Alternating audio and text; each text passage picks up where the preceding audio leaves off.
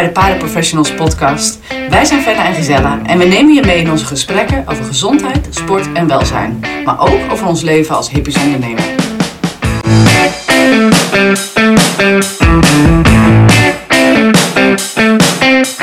Vandaag gaan we het hebben over welzijn. Ik denk dat ik wel kan zeggen dat dat een eh, aardig hot item is. Niet alleen binnen de paardensector, maar zeker ook erbuiten. We liggen aardig onder een vergrootglas. En ik denk dat de afgelopen jaren al best wel wat gedaan is, maar dat er ook nog het nodige werk te verzetten is. Hoe kijk jij daar tegenaan? Ja, dat het een hot item is, dat is het zeker. Ehm, ik zit zelf vanuit eh, het bestuur van uh, de FNRS in de welzijnscommissie van de sectorraad paarden sinds vorig jaar. En uh, heb dus ook de welzijnsportefeuille. En ja, ik dacht daar eigenlijk best simpel over. Ik had daar best wel een duidelijke mening over. Dat heb ik nog steeds. Uh, ik heb wel in het afgelopen bijna jaar geleerd dat het een heel moeilijk onderwerp is. Ik zie gelukkig dat de sector echt in beweging is gekomen. Welzijn komt op elk moment naar voren. Iedereen heeft er een mening over. Iedereen vind het doet ook wel zijn best om te gaan kijken van nou, hoe kunnen we stappen daarin maken. Maar het is heel moeilijk om uh, ja, te bepalen wat moet er verbeterd worden en hoe gaat dat dan verbeterd worden.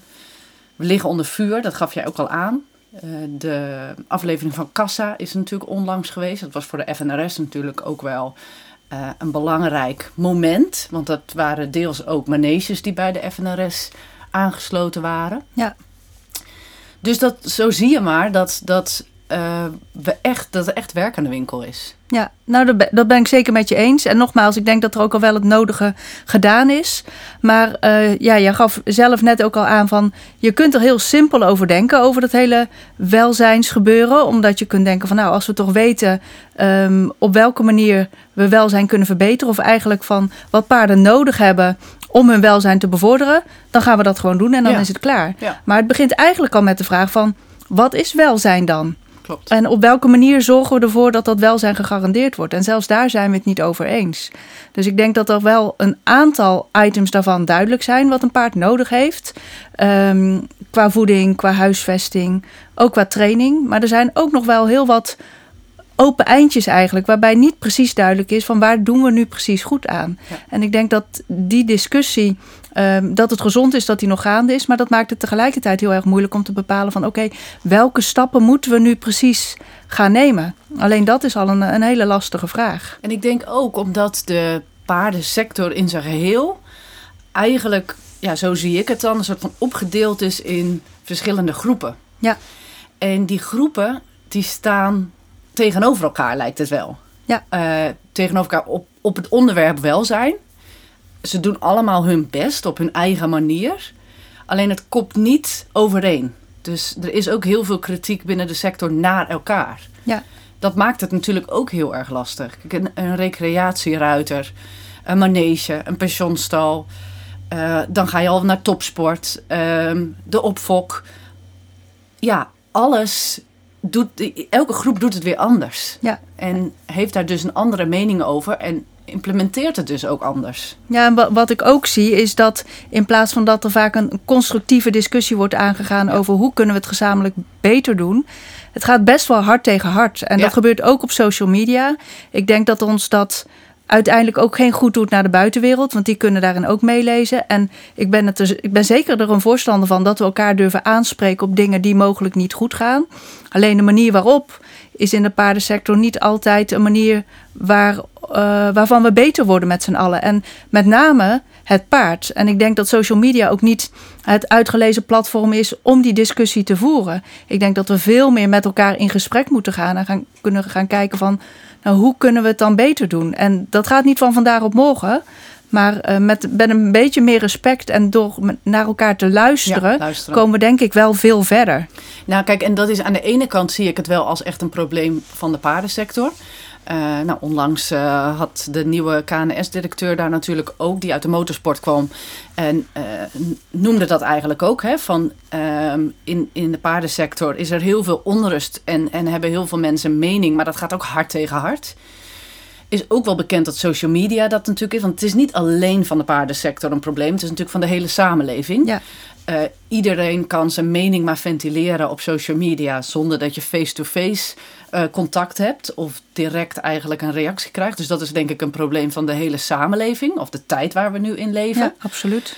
Uh, maar als je kijkt naar de paardensector zelf aan zich, is het het paard waar we allemaal van houden. Hè? Dus we zijn verknocht aan het paardenvirus. We willen het denk ik allemaal zo goed mogelijk doen. Um, maar hebben daar allemaal een andere mening over van wat is goed. Ja. En daar zijn we zo volhardend in, ieder. En dan is er social media, dat je dat ook maar gewoon erop kan zetten. Ja, dat maakt het wel een, een mix van een heleboel verschillende lastige componenten, zeg maar. Ja, absoluut. En eh, ik denk ook, jij noemde net die passie voor het paard. Ik denk dat bij heel veel mensen het paardenvirus ooit binnensluipt doordat men gefascineerd is door, misschien in je jeugd door ponies of door paarden, maar door het dier. Um, daar ontstaat dan de liefde voor het paard. Maar wat ik ook wel zie, is dat bij sommigen de liefde voor het paard echt centraal staat.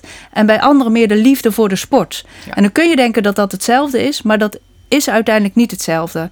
Want op het moment dat de liefde voor het paard centraal staat, of de passie voor het paard, dan denk ik dat welzijn minder snel in het uh, gedrang komt dan dat de sport centraal staat. Dus dat verschil is er ook. Maar goed, dat er verschillen zijn, dat hebben we al geconstateerd. De vraag is nu alleen van hoe kunnen we ervoor zorgen dat we uh, weer stappen gaan zetten uh, op het gebied van de verbetering van het paardenwelzijn. Nou, even terugkomen op wat je net zei. Ik vind, denk dat ik dat wel een heel goed punt vind. Dat je zegt van oké, er is een groep dus die het echt doet vanuit passie voor het paard. En vanuit daar eigenlijk de dingen doet. En er is een groep die de, de paardensport inkomt voor de sport. Die zien wij denk ik ook vanuit ons werk veel. Ja. Um, nou ja, dan hebben ze natuurlijk ook nog wel. Ik, ik word op een gegeven moment altijd een beetje moe van die uitspraak. Maar je hebt mensen met paarden en paarden met. Wat, zijn, wat is het nou? Paardenmensen en mensen met dat paarden. Hem, ja. Precies. Ik, ik, moet eerlijk zeggen, dit is wel echt iets van mijn leven dat ik nooit die dingen kan onthouden. Maar goed. Um, het, het, is, er zit natuurlijk wel een kern van waarheid in. Ja. Um, er zijn mensen die vanuit buiten de sector erin komen en gewoon het spelletje of de sport heel mooi vinden.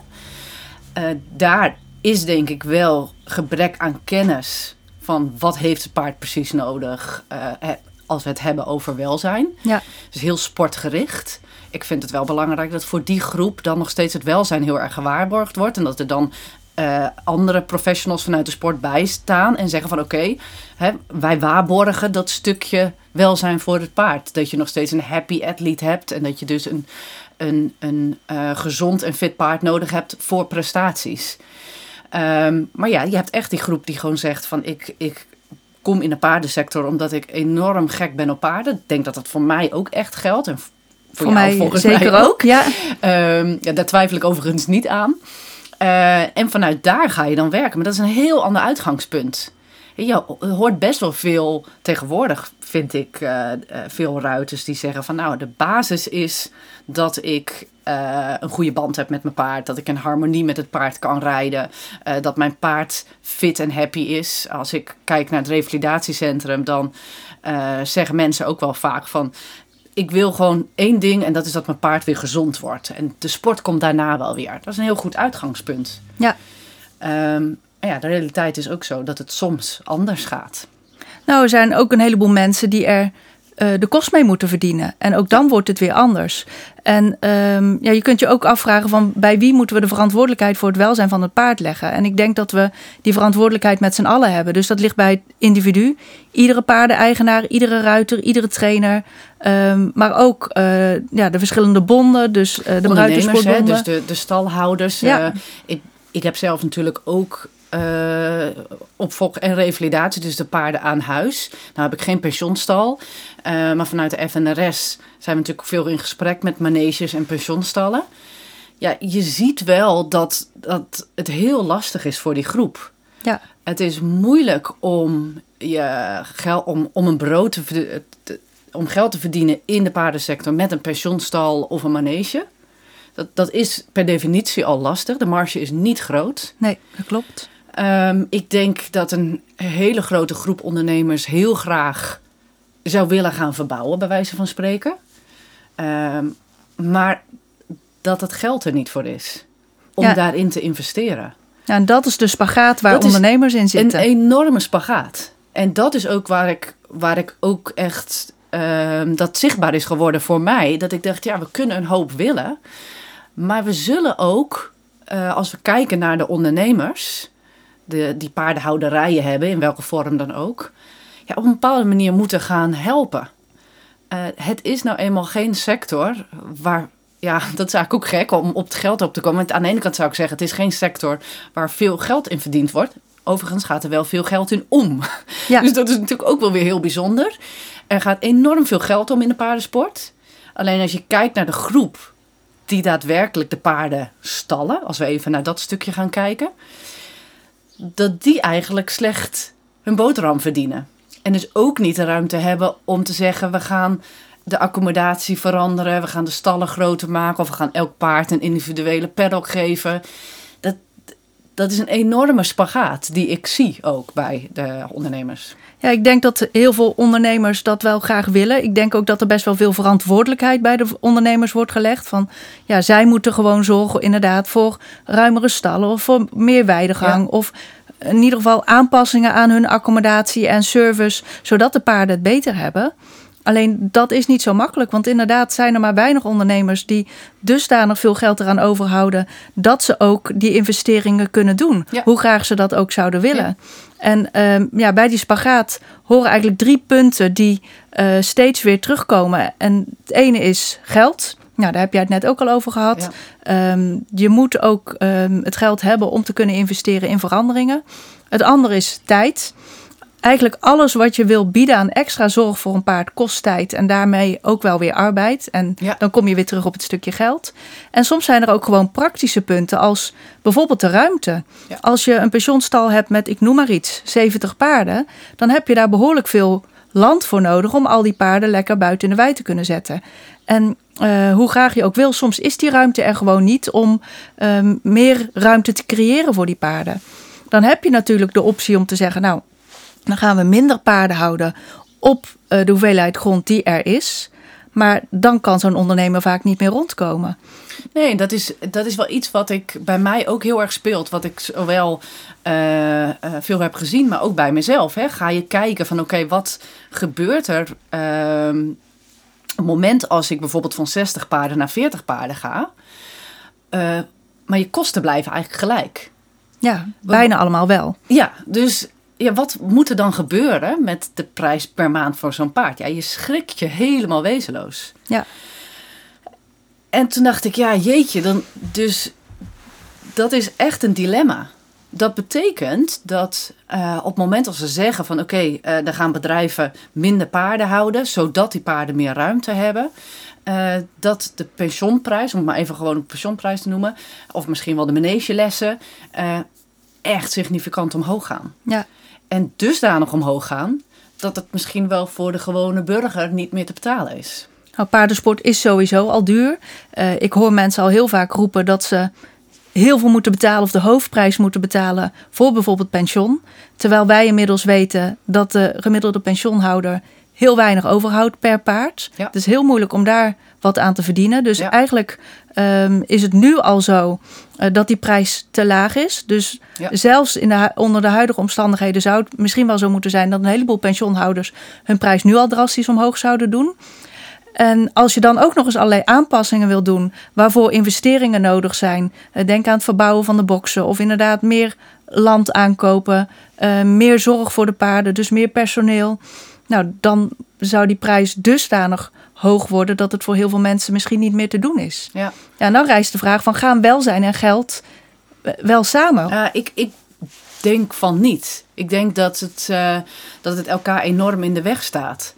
En dat we ook op dat punt nu staan. Van dat daar keuzes in gemaakt moeten worden. Het moet inzichtelijk worden. Vanuit de FNRS doen ze heel veel kostprijsberekeningen met ondernemers. En is een heel groot percentage zichtbaar geworden dat onder de kostprijs werkt. Van, bij pensioenhouders bij bedoel je? pensioenhouders.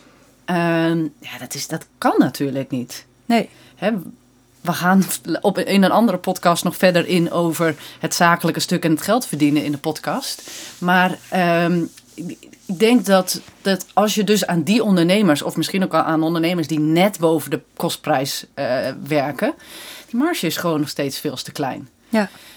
Um, dus we moeten op een gegeven moment, nou, we moeten niks, maar ik vind dat, dat de sector op een gegeven moment keuzes moet gaan maken. Uh, en dat als welzijn dusdanig verbeterd moet worden, en we zitten daar op één lijn, dan is dat nu niet puur van de stallen moeten één meter groter worden, uh, paarden moeten minimaal één uur per dag naar buiten komen. Als mensen dat zeggen, dan denk ik, jongens, waar, waar zijn we mee bezig? Eén uur per dag naar buiten, bij wijze van spreken. Dat, dat is toch niet voldoende? Nee. Uh, dat is toch geen welzijn? Alleen ergens zeggen ze ook van ja, maar we kunnen niet de grote stappen maken, want die ondernemers zitten vast. We kunnen niet tegen hun zeggen van de, de regel is nu dat de paarden uh, minimaal zes uur per dag naar buiten moeten komen. Ja, dat, dat gaat gewoon niet. Nee, dat is voor heel veel ondernemers nog niet haalbaar op dit moment. Nee. Ook al zouden ze het wel graag willen. Uh, extra paddocks bouwen, weilanden, dus uh, ruimte, uh, geld om die investeringen te doen. Um, ja, dat is, dat is lastig. En de tijd, wat jij zei, vond ik ook wel een hele goeie. Um, daar waar je extra tijd besteedt aan het paard. Ik vanuit het revalidatiecentrum besteden heel veel tijd aan het paard. Ja. Maar dat berekenen we ook door. Maar ja, een revalidatiecentrum is natuurlijk een heel specifiek stukje of een specifiek bedrijf. Het is niet een pensioenstal. Um, je ziet pensioenstallen natuurlijk ook wel zeggen van ja, wil je dat je paard binnen en buiten gezet wordt, dan betaal je dit extra. Um, ja, ga je dat standaard doen, ja, dan, dan, moet de maandprijs daarvan omhoog gaan. Ja. Maar ja, dan wordt het echt voor een groot deel, voor een groot deel mensen te, de prijs te hoog. Want ja, bedenk zelf maar. Ik bedoel, de, de, de stallingsprijs 400 euro, 500 euro, 600 euro per maand. Plus nog alles wat erbij komt. Ja, dat zijn gigantische bedragen. Als je dat zelf eerst moet verdienen en je moet dat dan uitgeven aan ja. je paard. Ik snap dat dat heel veel geld is. Ja. Maar tegelijkertijd kan het eigenlijk niet anders nee. als we willen dat de paard het goed geeft. Ja. En dat, dat geldt natuurlijk niet alleen bij het paard. We zien dat ook uh, als het gaat bijvoorbeeld om vlees. Mensen willen heel graag dat de dieren, of dat nou koeien zijn of varkens of kippen, dat die een beter leven hebben. Tegelijkertijd is er nog steeds een hele grote groep mensen die als ze in de supermarkt staan, voor het goedkope vlees kiezen. Toch voor het goedkope vlees kiezen. Dus dat is best een lastig dilemma. En nou is er ook best een groep mensen die eigenlijk bijna niet anders kan. Die misschien moeite heeft om rond te komen. En als je dan toch een keer vlees wil eten, dan heb je misschien niet de mogelijkheid om daar een hogere prijs voor te betalen. Maar er is ook een groep mensen die dat misschien wel op kan brengen.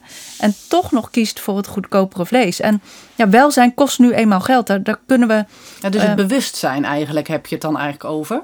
He, van zijn mensen er ook daadwerkelijk van bewust dat als ze vinden dat dieren een beter leven moeten hebben, dat er tegenover staat dat dus het product of de dienst duurder wordt. Ja, en, en misschien is het wel makkelijk op het moment dat je even boodschappen aan het doen bent en niet geconfronteerd wordt met ja. uh, alles wat erachter zit, om dan toch voor dat goedkopere vlees te kiezen.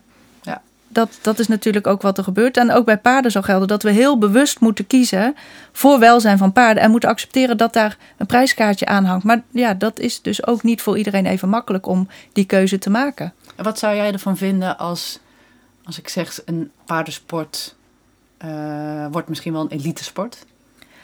Nou ja, enerzijds uh, wil je natuurlijk graag dat een heleboel sporten waaronder ook de paardensport, voor zoveel mogelijk mensen toegankelijk blijven.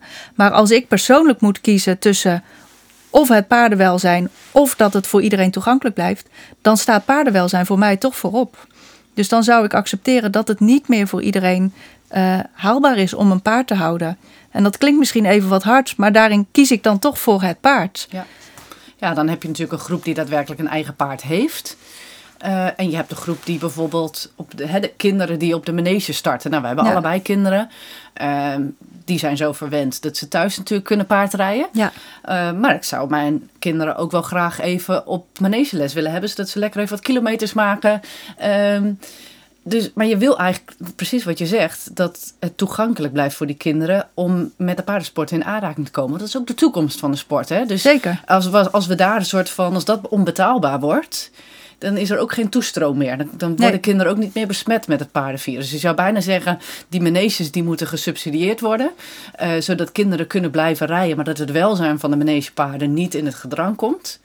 Eh, en de mensen die ervoor kiezen om een eigen paard daadwerkelijk te hebben, dat die zich van be- ja, bewust moeten zijn dat daar, eh, dat daar een behoorlijk kostenpost natuurlijk bij is Ja. om zo'n paard te onderhouden. Want als je kijkt naar een paardenhouder, dat is even een gedachtespinsel van mij, maar een paardenhouder is degene die eigenlijk het thuis biedt voor het paard. Dat is waar het paard verblijft. Ja, Dat is ontzettend belangrijk. Want dat bepaalt hoe het paard zich voelt, of hij gezond is, of hij happy is, et cetera.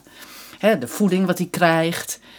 Ja, dan hoor je heel vaak van, eh, jeetje, 500 euro per maand of eh, hè, noem maar even wat. Maar vervolgens wordt er wel heel veel geld betaald.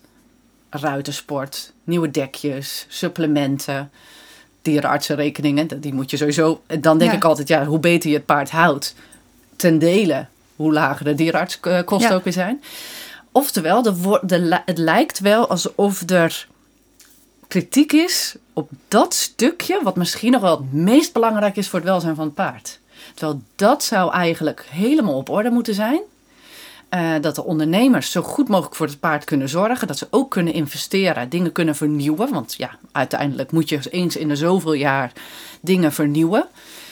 Ehm, zodat dat stukje gewaarborgd blijft. ja. Nou, ik vind het soms ook wel eens lastig dat mensen wel heel veel geld uitgeven aan drie soorten dekjes met Ja. bijpassende pees, eh, peeskappen en noem maar op. En glitterhalsers en noem maar op. Ehm, overigens is iedereen daar vrij in. Als je dat wil kopen, je wordt er gelukkig van, prima. Maar als het paard dat geld eigenlijk nodig zou hebben voor zijn welzijn, dan zou ik veel liever hebben dat dat Ja. daarheen gaat. Ja. Overigens, ehm, dat bedacht ik nu. We hebben het al een hele tijd over welzijn. En we willen natuurlijk heel graag dat een paard zich goed voelt. Ehm, en dat hij zo min mogelijk ongemakken heeft. Maar ik denk niet dat het reëel is om te denken dat een paard nooit eens een keer een pijntje mag hebben. Of nooit eens een keer stress mag ervaren. Want als ik het met onszelf vergelijk. Wij zitten hier ook niet geheel pijnvrij. Het is ook niet dat wij nooit een keer stress hebben. En dat wordt als iets negatiefs gezien. Maar stress kan soms ook functioneel zijn als het maar tijdelijk is. Dus je wil niet dat een paard chronische stress heeft. En daarbij is de plek waar die staat en hoe die gehouden wordt heel erg bepalend. Maar het geldt ook voor pijntjes. Dat kan best een keer voorkomen. Maar we moeten wel zorgen dat het paard zo min mogelijk ongemak heeft. En dat als er iets ontstaat, dat we het paard helpen bij eventueel herstel zodat hij zich zo goed mogelijk voelt. Ja, dat Maar is onze taak als paardenhouder Precies, ja. paardeigenaar. Ja. Dus ehm, we willen eh, een zo goed mogelijk welzijn van het paard. Maar we moeten eh, dat welzijn. We kunnen ook niet iets nastreven wat onmogelijk is. Nee. Dus we moeten daar ook wel een beetje reëel in blijven. Eh, en af en toe mogen we dan misschien wel een klein beetje de parallel trekken met onszelf en de dingen waar wij in ons leven tegenaan lopen. Al is het wel zo, dat is een heel groot verschil, dat een paard geen keuze heeft. Nee. Dus die moet het doen met de plek waar wij hem zetten, Ja. de training die wij hem geven eh, en alles wat wij voor hem beslissen. Dus dat is wel een essentieel verschil, denk ik. Ja, en ik denk ook, ehm, het- omdat dat paard zoveel kost, hè, de aanschaf, het houden van het paard, zijn mensen natuurlijk ook heel voorzichtig met het paard. Als we naar topsport kijken, zijn de belangen heel groot rondom Ja. dat paard. Eh, nou, jij bent fysiotherapeut op verschillende grote stallen. Ehm, dus ja, jij bent daar ook wel bekend mee dat, dat bepaalde hele bekende paarden, daar draait bijvoorbeeld een bedrijf op. Ja, dat is zo. Maar ik zie wel dat bij die bedrijven, die paarden krijgen wel de optimale begeleiding. Voor, voor, voor die mensen is het, eh, omdat zij er de kost mee verdienen, extra belangrijk dat zo'n paard eh, gezond blijft en bij voorkeur niet geblesseerd raakt. Dus die zorg is denk ik heel goed geregeld. Tegelijkertijd, omdat er zoveel eh, van afhangt, durven ze soms bepaalde risico's niet te nemen. En dat, dat snap ik ergens ook. Ook al zie ik eigenlijk ook het liefste alle paarden iedere dag in de wei. Maar ik snap ook dat, dat iemand die een heel kostbaar paard heeft, daar een heel stuk voorzichtiger mee is. En ja, dan, dat is ook weer een soort van spagaat. Ja, dat, dat wilde ik zeggen. Hè. Dus de, de voorzichtigheid, de belangen eh, die erbij komen kijken, die staan ook het welzijn in de weg. ja, Dus dat, maar dat heeft ook weer met geld te maken. ja. Ehm, terugkomend op dat we zeggen van nou, het heeft allemaal grote investeringen nodig, et cetera. Ik ben ook wel van mening dat kleine aanpassingen ook al veel vooruitgang kunnen.